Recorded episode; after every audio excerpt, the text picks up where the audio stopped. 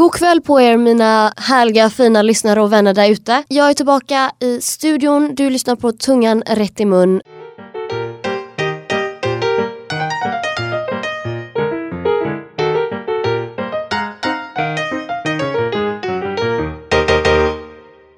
Är lite sjuk som ni kanske hör. Jag är förkyld. Jag vet inte hur det har hänt. För att det är ju jättevarmt nu. Men jag antar att det inte hindrar bakterier från att sprida sig. Hur som helst, idag så ska programmet handla om massakern i Sudan. För att detta är ju en händelse som jag har sett mycket på mina sociala medier, vilket är bra. Jag är väldigt glad över det. För de som inte vet så har det skett en massaker i Sudan och jag ska berätta mer exakt vad den här massakern handlar om, vad den grundar sig i, hur många människor som har dött och hur omvärlden har reagerat. Sen så ska jag faktiskt prata om ett lite lätt lättare ämne idag och det kommer att handla om student, bal och pubrunda, egentligen hela studentperioden som man går igenom i slutet av sista året på gymnasiet. För att det är ju studenttiden nu och jag är väldigt ledsen att jag inte kan vara med och fira alla som tar studenten. Jag ser alla bilder på Instagram, folk som är på pubrunda, bal, studentskivor och jag eh, är väldigt ledsen över det. Så eh, jag tänkte att jag ska dela med mig lite av mina, alltså hur jag kände kring balen och hur jag kände kring studenten helt enkelt och vad som är överskattat, vad som inte är överskattat, mina känslor kring det, ja lite sånt.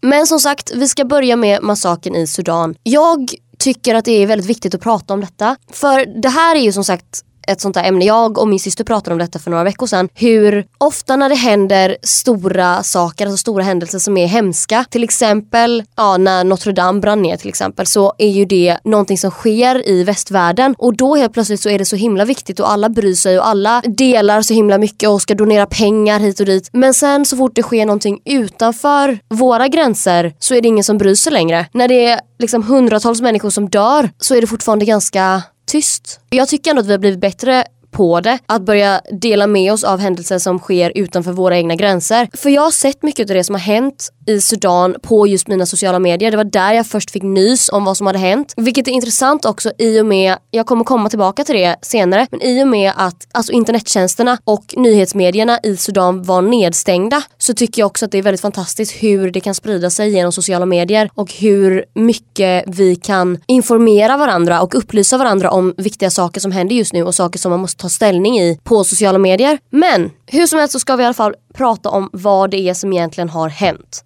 Och för att kunna förstå vad det är som har hänt så måste vi backa tillbaka i Sudans historia. Och vi ska börja med Omar al-Bashir som var diktator i Sudan och har varit diktator sedan 1993. Och hans styre, detta är väldigt intressant för hans styre har varit i längre än majoriteten av befolkningen har levt. För som sagt, han kom till makten 1993, han är diktator. Men över 60% av befolkningen i Sudan är under 25 år. Vilket betyder att nästan två av tre personer är under 25 år. Och han har då varit president. Han har tidigare gjort sig skyldig till krigsbrott, brott mot mänskligheten och folkmord. Och det finns en hel del historia om detta. Och om ni är intresserade av det så tycker jag absolut att ni ska läsa på, googla, läsa artiklar. Men jag ska inte gå så djupt in på det just nu. Men han har i alla fall varit liksom, vad ska man säga, wanted by FN och olika organisationer för att han har gjort sig skyldig till de här brotten. Så att eh, som ni kan förstå så var inte han eh, den vassaste kniven i lådan helt enkelt. Han var inte en trevlig människa som man kanske vill lära känna liksom. Inte nog med att den här presidenten var diktator och att han har gjort sig skyldig till de här brotten och att han var i överlag ganska omänsklig och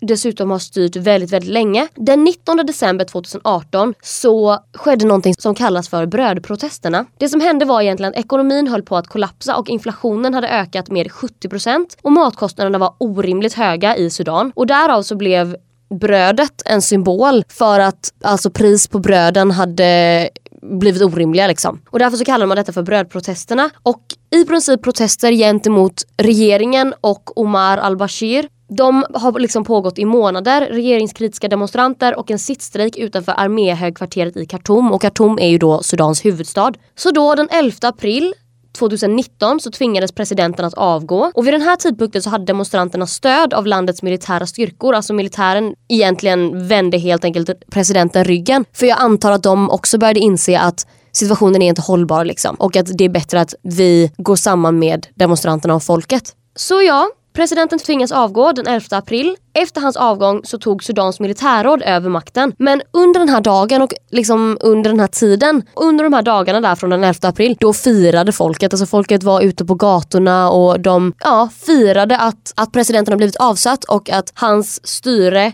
som pågått sedan 93 äntligen var över. Men firandet var inte långvarigt. Efter hans avgång så tog Sudans militärråd över makten och den mannen som senare utropade sig till landets nya ledare, han har tidigare varit ansvarig för militära våldsamma operationer och man får ju inte heller glömma att militären har liksom jobbat under presidenten så de har ju utfört mycket av de här krigsbrotten och brotten mot mänsklighet och folkmord som han har gjort sig skyldig till har ju även de militära styrkorna gjort sig skyldiga till. Och som sagt, folket var inte glada över att den här nya mannen då som också har varit ansvarig för militära våldsamma operationer tog över makten. För de ville ju liksom inte bara byta ut presidenten, de vill ju byta ut hela systemet. Demonstranternas krav var och är ju bland annat demokrati, civila ledare, ett civilt styre och ökade kvinnliga rättigheter. Och det som egentligen har hänt nu är ju att de bara har gått från en diktator till en annan diktator om man kan uttrycka sig så. Men i alla fall, i och med att folket inte var glada så valde de en ny ledare och efter det så valde de ännu en ny ledare så den nuvarande ledaren är Abdel Fattah al-Burhan. Även han kommer från det militära men han har ju inte gjort sig skyldig till krigsbrott då va. Till skillnad från de eh, tidigare ledarna som de hade valt. Men uppenbarligen så misstänker man ju att det är andra militära som egentligen drar i trådarna och han är lite av en marionettdocka. Och det är ju inte helt omöjligt i ett sånt här typ av styre där det är väldigt korrupt och där det är diktatur. Ja, så att eh, protesterna fortsatte och demonstranterna har alltid varit fredliga. De har inte brukat något våld och de har liksom bland annat varit en del av en sittstrejk. Så den 3 juni blev de fredliga sittande demonstranterna attackerade av polis och paramilitära styrkor. Och det som hände egentligen här var att polis och paramilitära styrkor öppnade eld på de fredliga demonstranterna. De sköt mot människors hus, de misshandlar och plågar demonstranter med käppar och batonger. De kissar på dem, de tvingar dem dricka avloppsvatten, de våldtar kvinnor, bränner kroppar stoppar, terroriserar gatorna och hindrar muslimerna från att gå och be eidbönen. Demonstranterna har liksom inte en chans mot de beväpnade styrkorna och i Khartoum så vågade folk inte röra sig på gatorna. Man var inte ens tillåten att plocka upp en döendes kropp från gatan så om din vän blev skjuten på gatan så var du inte tillåten eller varken vågar man plocka upp den här människans kropp. Inte nog med det så var som jag sa tidigare, alla nyhetsmedier stängdes ner så det fanns ingen tillgång till media. Nästan alla internettjänsterna var nedstängda, alla förutom ett företag. Så aktivister som fanns på plats i Khartoum och Sudan har inte kunnat sprida sina historier riktigt fritt om vad som har hänt på grund av det bristande internetet. Men lyckligtvis så har ju många historier tagit sig ut och nu måste jag säga att det finns mycket information att läsa, mycket information att hämta. Så är det så att ni är intresserade av, mer intresserade av konflikten så uppmanar jag verkligen att läsa på olika hemsidor. Alltså ni kan läsa på, ni kan kolla på klipp på Youtube, ni kan läsa på Expressen, Aftonbladet, CNN, you name it. Okej, okay, så lite statistik. För offren i den här massaken är många. Siffrorna från massaken är ju inte 100% korrekta men man har kunnat uppge att minst 118 demonstranter har dödats under massaken och att 600 har skadats. Minst 40 kroppar har bara dumpats i Nilen. De har liksom bara slängt ner döda kroppar i Nilen. Hundratals människor har arresterats och jag menar man kan ju bara föreställa sig vad som händer med de här människorna. Nu spekulerar jag men förmodligen så torteras de. Är de kvinnor så våldtas de säkerligen. Ja, de kissas väl säkert på. De misshandlas. Ja, men ni förstår. Unicef har uppgett att barn och unga systematiskt utnyttjas och våldtas av de paramilitära styrkorna och att minst 19 barn har dödats. 19 barn. Men okej, okay, detta var alltså från den 3 juni och under den tiden som den här massaken varade. Men nu i nutid, alltså en vecka efter blodbadet har strejken avbrutits. Människor återvänder till sina arbeten och butiksägare öppnar sina verksamheter igen. För som jag sa så vågade folk inte gå ut på gatorna men också så hade alltså oppositionen, de som helt enkelt demonstrerar för demokratin i landet. De uppmanade människor att stanna hemma och helt enkelt protestera på detta sättet genom att inte gå till sina arbeten, inte gå till skolan, inte gå ut. Ja, ni förstår. Men nu så återvänder människor då till arbeten och butiksägare öppnar upp sina verksamheter igen. Och detta är för att det militära rådet och den oppositionella rörelsen Forces for Freedom and Change har enats om att sätta sig ner och förhandla. Vilket man kan tycka är en bra grej. Dock så hade de här två parterna tidigare förhandlat och enats om en treårig övergång från det nuvarande styret till en demokrati. Men efter den här förhandlingen och att de enats om detta så bestämde sig helt enkelt militärrådet för att öppna eld mot sitt eget folk och efter massakern så har oppositionen därför krävt demokratiska val inom nio månader. Så från början så var alltså avtalet treårig övergång men nu har oppositionen krävt demokratiska val inom nio månader. Vi får ju se om det kommer att hända, det vet vi ju inte liksom. Det är ju för tidigt för att säga nu men hur som helst så ska i alla fall de två parterna ha satt sig ner och börjat förhandla och diskutera och samtala om hur de ska lösa den här konflikten och personligen så tycker jag bara att det finns en enda lösning och det är att militären bara ska kliva åt sidan och att man ska kunna genomföra ett demokratiskt val och välja en civil ledare, en ledare av folket helt enkelt.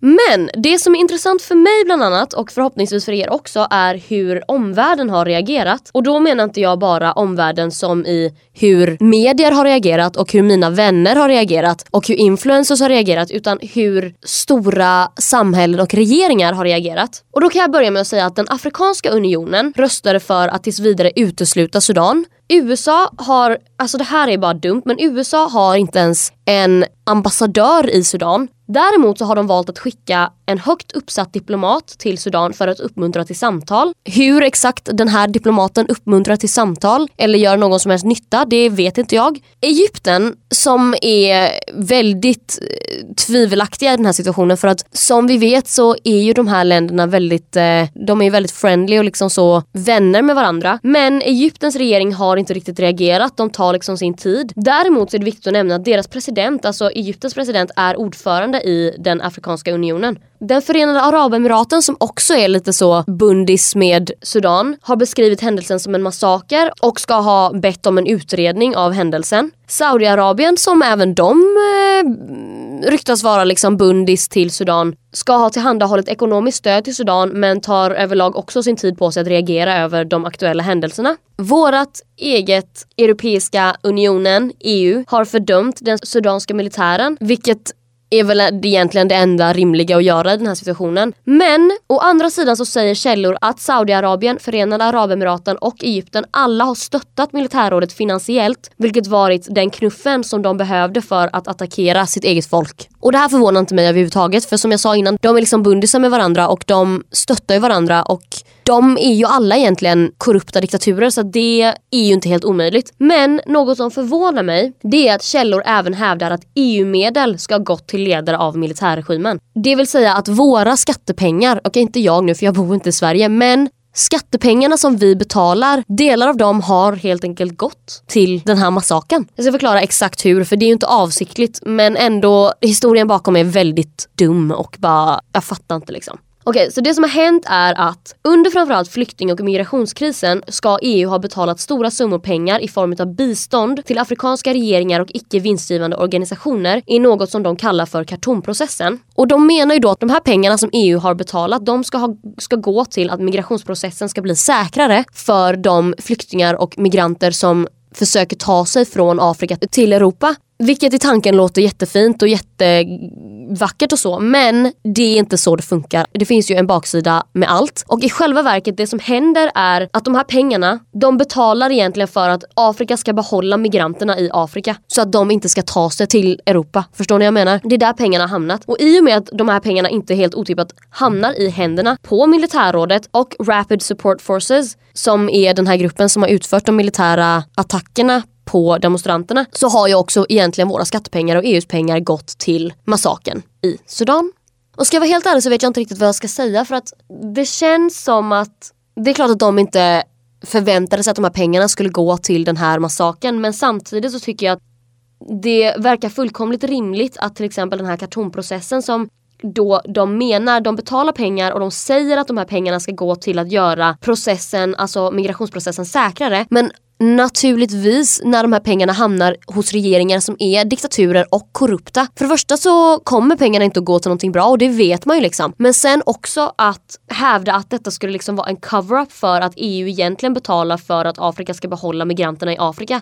Vet ni vad, om det är så så förvånar inte det mig heller. Så att eh, Ja, där har ni det egentligen. Det är detta som har hänt i Sudan. Jag tycker att det är väldigt viktigt att vi pratar om det. Jag tycker det är viktigt att man läser på att man upplyser sig själv och andra. Det finns olika hemsidor och organisationer som man kan donera pengar till för att hjälpa de utsatta i Sudan just nu. Jag har inga specifika hemsidor här men som sagt är ni intresserade av att donera och hjälpa till så, så är det bara att googla. Det finns hemsidor. Det finns nu tack och lov finns det mycket information att hämta på internet. Så snälla gör det. Jag kommer förmodligen att göra det och jag uppmuntrar er också att göra det. Och sen framförallt om ni ser en artikel om det eller om ni ser ett inlägg på Instagram, vad som helst. Dela, sprid ordet för att det är viktigt att den här informationen kommer ut. Sen är jag väldigt intresserad av att veta vad FN har gjort i den här situationen för att grejen är att personligen tycker jag att det är så himla jobbigt för att FN har ju sina mänskliga rättigheter och de eh, ska ju försöka skydda alla människor och bla bla bla. Men sen så vet vi alla att deras system, alltså systemet funkar inte för de har ju fem länder som har vetorätt och de här länderna lägger ju in sitt veto vitt och brett. Och det gör de ju för att skydda sina egna, alltså sina egenintressen egentligen. De här länderna är ju Kina, USA, Frankrike, Storbritannien och Ryssland. Och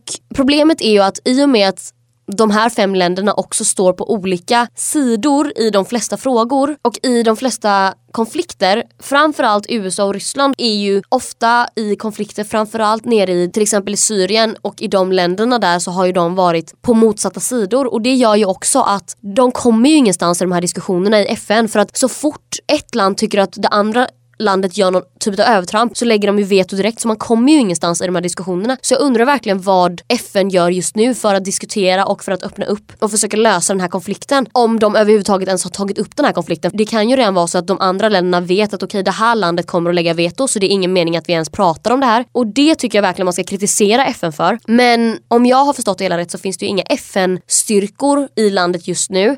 Utan demonstranterna har ju som sagt fått klara sig själva och de har ju inte en chans mot de beväpnade styrkorna i landet.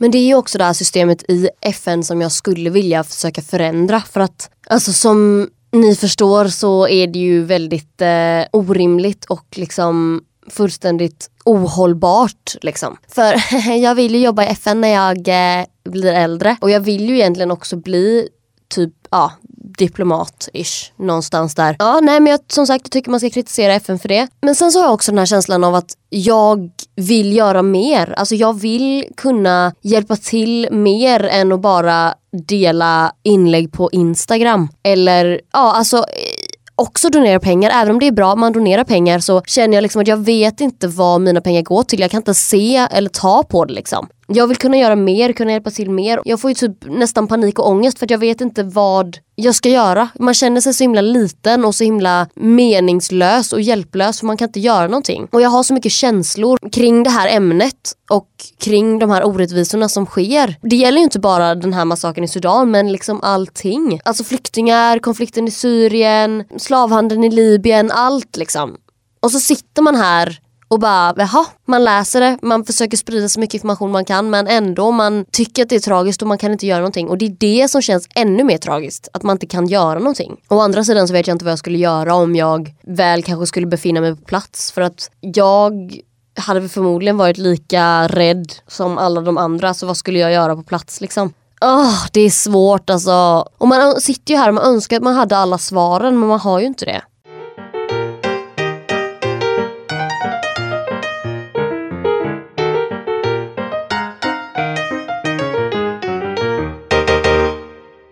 Däremot så tror jag att jag skulle vilja vara på plats i förhandlingarna. Förstår ni vad jag menar? Och se liksom hur de förhandlar, vad det är de pratar om med varandra. Vad det är som stärker till exempel militärrådets argument för att de ska behålla makten. Vad deras, ja, alltså helt enkelt vad deras argument är för att de ska få behålla makten och varför de ska sitta kvar och styra landet. Versus då den oppositionella sidan och vad de har att säga. Och också typ vad den här diplomaten från USA, vad han gör i det hela. Vad han gör för att typ uppmuntra samtal. Och jag vet också att det fanns någon etiopisk medlare på plats, jag kommer inte ihåg hans namn nu. Men jag undrar också liksom vad hans roll är, typ att ja ah, nej men jag förstår hur ni tänker, absolut jag förstår. Och så på andra sidan, ja ah, jag förstår hur ni tänker också men hur, hur tycker ni att vi ska komma fram till en rimlig lösning här nu? Alltså vad är det de sitter och diskuterar? Det skulle jag vilja veta. Jag skulle verkligen vilja sitta med på den här förhandlingen. Men samtidigt så kanske jag skulle ha svårt att eh, inte skratta om jag tycker att eh, någonting låter fullständigt löjligt liksom. Sen så tycker jag också att det är intressant att USA känner inte att, att de behöver ha en ambassadör i Sudan. Men ändå när den här konflikten bryter ut, då skickar de en högt uppsatt diplomat som ska hjälpa till. Och varför gör de det? Alltså varför känner de... Det här är problemet med USA. Alltså jag gillar USA på många sätt men också problemet med USA är att de lägger sig i olika grejer som inte har med dem att göra. Samtidigt som jag tycker på ett sätt att det är bra att de lägger sig i för att det kan vara bra med alltså när folk från omvärlden kliver in för att liksom försöka hjälpa och skydda befolkningen i det landet. För det som händer nu egentligen är att regeringen eller ja, militärrådet gör ju liksom ett övergrepp på sin egen befolkning. Framförallt då när befolkningen inte har en chans för att de är obeväpnade, de är fredliga och militären har alla de här militära utrustningen som de kan använda sig av. Då kan det ju vara bra att ett annat alltså länder från omvärlden, grannländer, ja ni fattar grejen, att de kommer in och hjälper till och skyddar den här befolkningen och också försöker hjälpa till att sätta press på till exempel militärrådet då för att de ska kunna komma fram till en lösning eller för att liksom få dem att backa och få dem att lämna. Men samtidigt så blir det lite fel i och med att de egentligen inte har någonting där att göra. För det här är ju grejen, USA lägger sig i allting. De lägger sig i alla konflikter. Och som sagt på ett sätt tycker jag att det är bra, på ett sätt tycker jag bara att det är konstigt. Men ja, jag antar att det är, jag tycker verkligen att det är bra att man kan sätta press och skydda befolkningen. Men som sagt vad den här diplomaten ska göra i den här situationen vet jag inte. Och varför det är liksom just USA som kände att de skulle skicka en diplomat. Varför kunde inte typ FN skicka en diplomat? Varför kunde inte EU skicka en diplomat? Utan det är just USA som valde att skicka en diplomat. Bara för att, ja vadå USA är liksom uh, the power country of the world. Ja jag vet inte, ni fattar grejen. Jag är väldigt kluven i den här frågan, i den frågan men på ett sätt så tycker jag att det är bra att omvärlden kan kliva in och liksom skydda befolkningen. Och komma med andra synpunkter och andra synvinklar och perspektiv på den här situationen. Ja, USA är ju också en demokrati så det kan ju vara bra att de kan få lite stöttning. Oppositionen som vill få ett nytt styre och en demokrati i landet.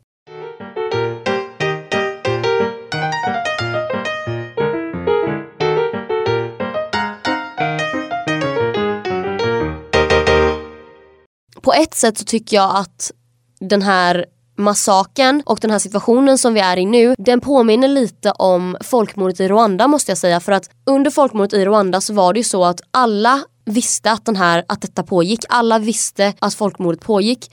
Men omvärlden gjorde inte så mycket. Och jag vet att västländerna fick mycket kritik. FN fick mycket kritik för att de drog ur sina styrkor ur landet. Och det enda de gjorde egentligen var att skydda de europeiska och de västerländska medborgarna i landet och sen när de väl hade skyddat dem, lyckats ta dem ur landet, alla de som bodde på olika hotell och sådär och var turister och grejer. När de lyckats få dem ur landet så drog de sig undan helt och man lämnade liksom Rwanda att lösa konflikten själva. Och det hoppas jag inte sker nu. Och jag hoppas verkligen inte att det går så pass långt heller att till exempel det sker ännu mer massaker eller någon typ av folkmord i Sudan. Men just nu så håller ju Forces for Freedom and Change och militärrådet på att förhandla. Ja, Oppositionen har ju krävt demokratiska val inom nio månader så vi får väl se vad som händer. Men som sagt, jag tycker fortfarande att vi ska stötta dem, vi ska sprida information, vi ska hjälpa till att donera pengar om vi kan. Och sen framförallt komma ihåg att ju mer press vi sätter på till exempel FN, till exempel EU eller våra egna regeringar, egna länder, ju mer press vi sätter från omvärlden att de ska agera, att de ska göra något, att de ska hjälpa till. Det kan få dem att agera. Jag tror verkligen det. Så att, eh, ja men där har ni det helt enkelt. Jag vet det är hjärtskärande och jag mår väldigt dåligt över den här situationen. Jag är väldigt ledsen faktiskt över det. Men jag blir väldigt varm och glad när jag ser att många sprider information och liksom försöker upplysa och informera varandra. Och vi får absolut inte glömma att bara för att vi inte bor i det landet så är inte de en del av oss utan vi alla lever på den här jorden tillsammans. Vi alla måste ta hand om jorden tillsammans, vi måste ta hand om varandra. Vi andas samma luft för guds skull. Vi har samma måne så ni fattar grejen. Och jag kan faktiskt göra så, jag ska slänga in ett tips också. Är det så att ni är intresserade av den här konflikten och undrar vad det är som har hänt och vill veta mer. Då tycker jag absolut att ni ska kolla på The Patriot Act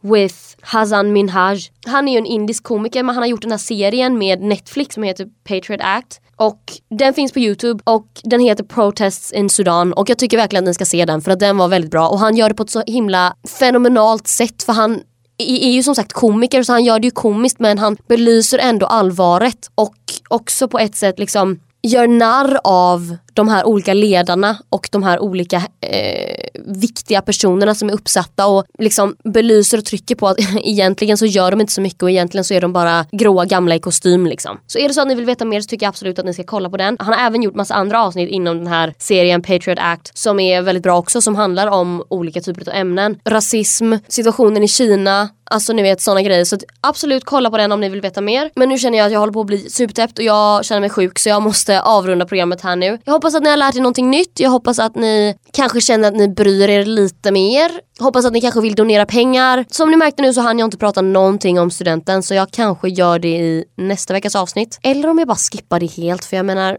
nu är ju studenttiderna över, eller? Ja jag vet inte, vi får se vad som händer. Men jag är väldigt glad att jag fick prata om det här ämnet, det var väldigt viktigt för mig. Och jag hoppas att ni tyckte det var lika viktigt som jag. Jag hoppas att det är varmt där ni är, jag hoppas att ni har sol och blå himmel. För det har jag. Även om hettan här håller på att ta koll på mig. För att som sagt det här är första gången som jag spenderar en sommar i city liksom. Och jag känner mig typ instängd. För att som sagt jag bor på en ö, jag är från Kalmar, det är liksom en kuststad. Nej men alltså vi har ju vatten runt omkring oss och så fort man håller på att dö av värme så är det bara att åka och bada liksom. Men det går inte riktigt här för de ligger liksom i mitten av Europa. De har inte riktigt något vatten. Så ja, när jag kommer hem så blir det väl att ta sig ett kallt bad. Okej, nu har jag babblat på alldeles för mycket. Tack för att ni har lyssnat idag. Vi ses samma tid, samma plats nästa vecka. Puss och kram, ha det bra. Hej!